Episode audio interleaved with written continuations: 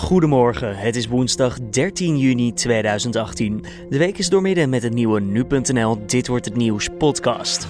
Mijn naam is Julian Dom en vandaag aandacht voor de beursgang van betaaldienst Adyen. Vorig jaar draaide het een omzet van 1,1 miljard euro. Dat is natuurlijk veel, veel geld. Maar moet je even nagaan, vier jaar geleden was dat, uh, vier jaar daarvoor, was het nog maar 70 miljoen. Dus dat is echt een gigantische uh, groei. En eindexamenscholieren krijgen te horen of ze zijn geslaagd, gezakt of een her moeten maken.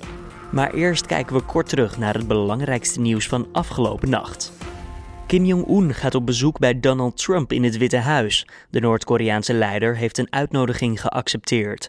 Volgens Kim is het belangrijk dat de landen stoppen met de vijandige houding naar elkaar. De ontmoeting dinsdag in Singapore was daarvoor een eerste stap. Trump is zelf ook door Kim uitgenodigd voor een staatsbezoek aan Noord-Korea. De president zou hebben toegezegd, al dus het Noord-Koreaanse staatspersbureau KCNA. Data zijn nog niet bekend. Er wordt gezocht naar een geschikt moment. Rokers krijgen meer teer, nicotine en koolmonoxide binnen dan fabrikanten beweren. Dat meldt het Rijksinstituut voor Volksgezondheid en Milieu na onderzoek. In het slechtste geval krijgt een roker tot 26 keer meer teer binnen dan op het pakje staat vermeld. Dit verschil komt door de meetmethode. Fabrikanten mogen nu de waarde meten terwijl kleine ventilatiegaatjes bij het filter worden opengelaten. Volgens het RIVM is de meting realistischer als deze gaatjes worden afgeplakt. Er is toestemming gekomen van de Amerikaanse rechter voor de megafusie tussen telecombedrijf AT&T en mediagigant Time Warner. Het gaat om een deal van 85 miljard dollar, omgerekend ruim 72 miljard euro. Eerder waren er bezwaren op de fusie vanwege angst voor een monopolie, maar daar zou nu geen sprake van zijn. Het nieuwe bedrijf zou juist uitstekend moeten kunnen concurreren met Amazon en Netflix. Dan kijken we naar de nieuwsagenda van deze woensdag 13 juni. Het wordt een van de meest indrukwekkende beursgangen van Europa genoemd, betaaldienst Adyen. De naam zelf is misschien niet heel bekend, maar de dienst heeft klanten als Facebook, Netflix, Spotify en eBay. Het regelt voor hun het betaalverkeer. Stel, jij koopt online iets via Ideal, groot kans dat Adyen dan die koppeling heeft geregeld. We praten over deze beursgang met Thomas Moerman van onze economieredactie.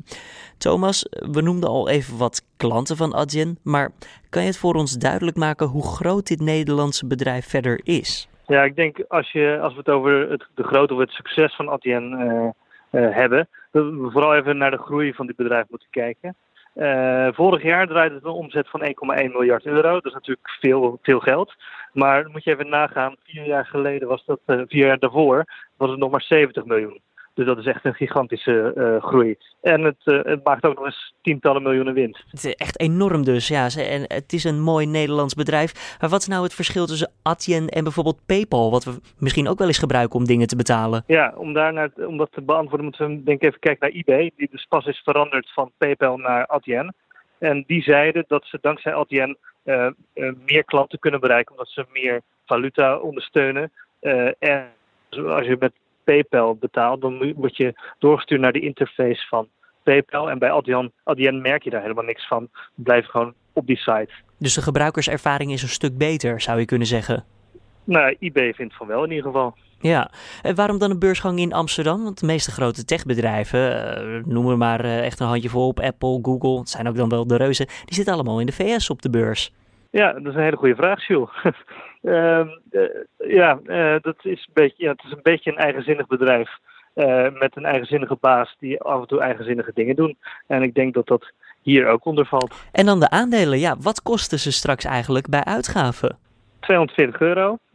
en daarmee is Adyen dan 7 miljard euro waard. 12,7% van de aandelen worden verkocht. en trouwens, alle medewerkers van het bedrijf die hebben aandelen. Dus uh, iedereen gaat erop vooruit. Uh, de een natuurlijk wel meer dan de ander. Thomas Moerman was dat van onze economieredactie over de beursgang van Adyen. Veel scholen komen vandaag met de uitslag van de eindexamens. Dat betekent in spanning wachten of kijken naar een telefoontje.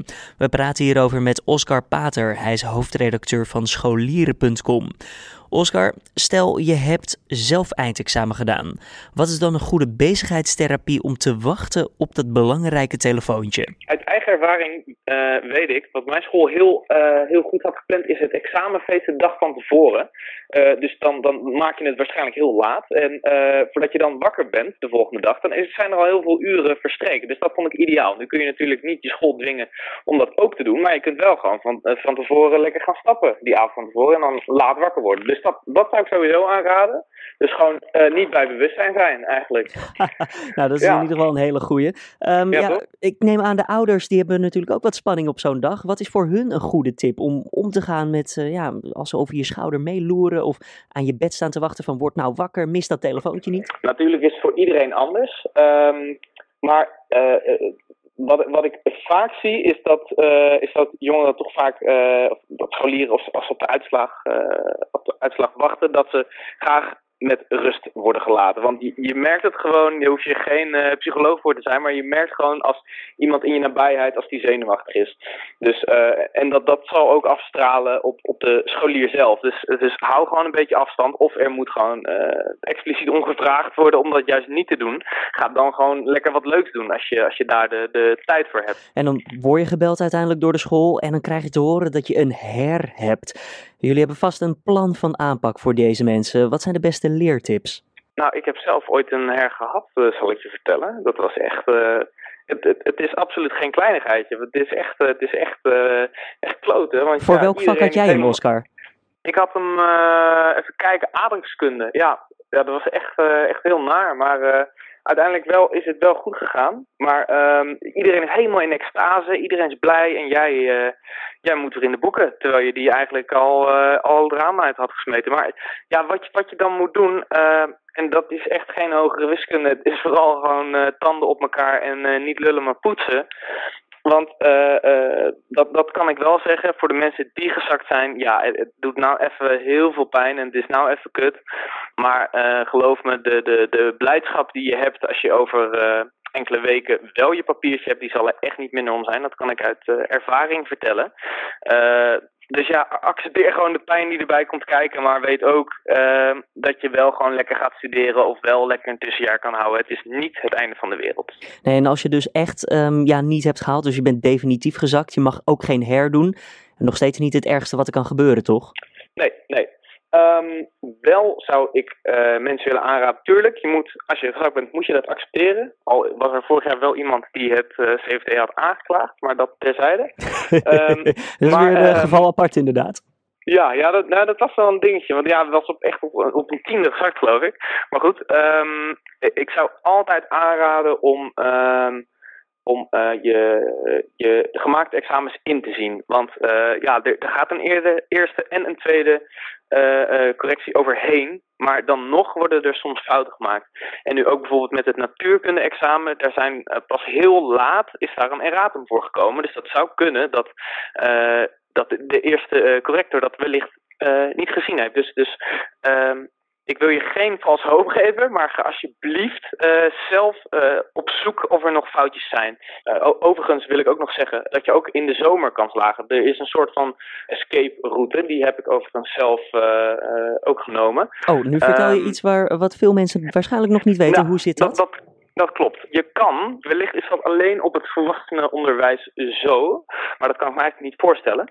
Um, maar wat je kan doen is dat je uh, als je een uh, compensatiepunt tekort komt, wat dus kan met, met de 5,5 gemiddeld regel, uh, als je die tekort komt kun je in de zomer je PWS herkansen. En even voor de duidelijkheid, dat is je PWS? Oh, profielwerkstuk. Je profielwerkstuk gewoon inderdaad. Dus, uh... Ja, en dan als je je PWS herkanst, kun je daaruit een hoger combinatiecijfer krijgen. En het combinatiecijfer is um, het cijfer dat voorkomt uit het gemiddelde van je PWS en je cijfer voor maatschappijleer. En dat cijfer uh, als dat hoger is dan een, een, een 6, dus een 7 of een 8 of een 9, dan heb je extra compensatie. Uh, en voldoe je dus eerder aan die 5,5 gemiddeld regel. Dus dat zijn, uh, daardoor ben ik dus uh, ook na mijn herkansing, was ik nog niet geslaagd, maar ben ik uiteindelijk pas in september geslaagd na het maken, opnieuw maken van mijn PWS. Dus dat was wel een, een, een goede. Ja, maar dat, ja, dat weten, helaas weten niet veel mensen. En mijn school kwam er ook niet zelf mee. Um, maar ik, ik had het ergens gehoord en ben toen gewoon gaan, gaan spitten in de reglementen. En het bleek te, te mogen. Dus ja, dat, dat zou ik zeker aanraden. Maar inderdaad, ja, helaas ervaring leert dat je vaak als je gezakt bent, dat je echt gewoon gezakt bent. Ja, het is niet het einde van de wereld. Ik, ik kan alleen maar met clichés komen, maar ze zijn wel waar. Oscar Pater was dat, hoofdredacteur bij scholieren.com. Eén dag voor het begin van het WK voetbal wordt in Moskou het 68ste FIFA-congres gehouden. Op de agenda staat onder meer de toewijzing van het WK van 2026. Marokko hoopt de organisatie op zich te mogen nemen, maar de kans is groot dat de aan de FIFA gelieerde bonden kiezen voor een gecombineerd bod van de Verenigde Staten, Canada en Mexico. Het OM zal strafeis uitspreken tegen drie voormalige kopstukken van de Hells Angels in Haarlem. Oud-chapter-president Lisander de R. en zijn vermeende secondanten Ricardo van der H. en Frank L. worden verdacht van geweldpleging, afpersing, bedreiging, wapenbezit en deelname aan een criminele organisatie. Het bewijs is vooral gebaseerd op de vele afgeluisterde gesprekken van de mannen. Dan kijken we naar het mediaoverzicht van deze woensdag, de 13e.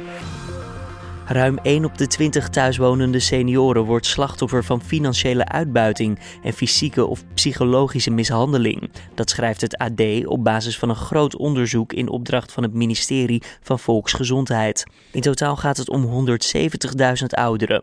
En de dader is vaak een bekende. De meest gebruikte vorm van ouderenmishandeling is financieel misbruik. Familieleden van kroongetuige Nabil B. zijn wegens liquidatiegevaar met hulp van justitie in het buitenland ondergedoken. Ze kunnen echter niet terug, dat omdat er onvoldoende capaciteit is om ze in Nederland te beschermen. Dat melden ingevoerde bronnen rond het liquidatieonderzoek Marengo, waarin kroongetuige een rol speelt, aan de Telegraaf. De advocaten van de kroongetuigen uiten stevige kritiek op de beveiliging van de familie. Ze vinden dat de overheid hun veiligheid onvoldoende kan waarborgen. Zo werd de broer van B in maart geliquideerd. Dan het weer voor deze woensdag. De dag begint bewolkt en hier en daar kan wel een spatje regen vallen. In de namiddag en de avond breekt de bewolking vanuit het westen uit en komen er perioden met nog wat zon. De middagtemperatuur ligt tussen de 17 en 20 graden. En dan nog eventjes iets over spinnen. Sommige mensen houden er totaal niet van en zijn er zelfs zo bang voor dat ze lijden aan arachnofobie, oftewel spinnenangst. Om in te spelen op de heel herkenbare angst kwam in 1990 de film Arachnophobia in de bioscoop. Hollywood Pictures and Amblin Entertainment present Arachnophobia.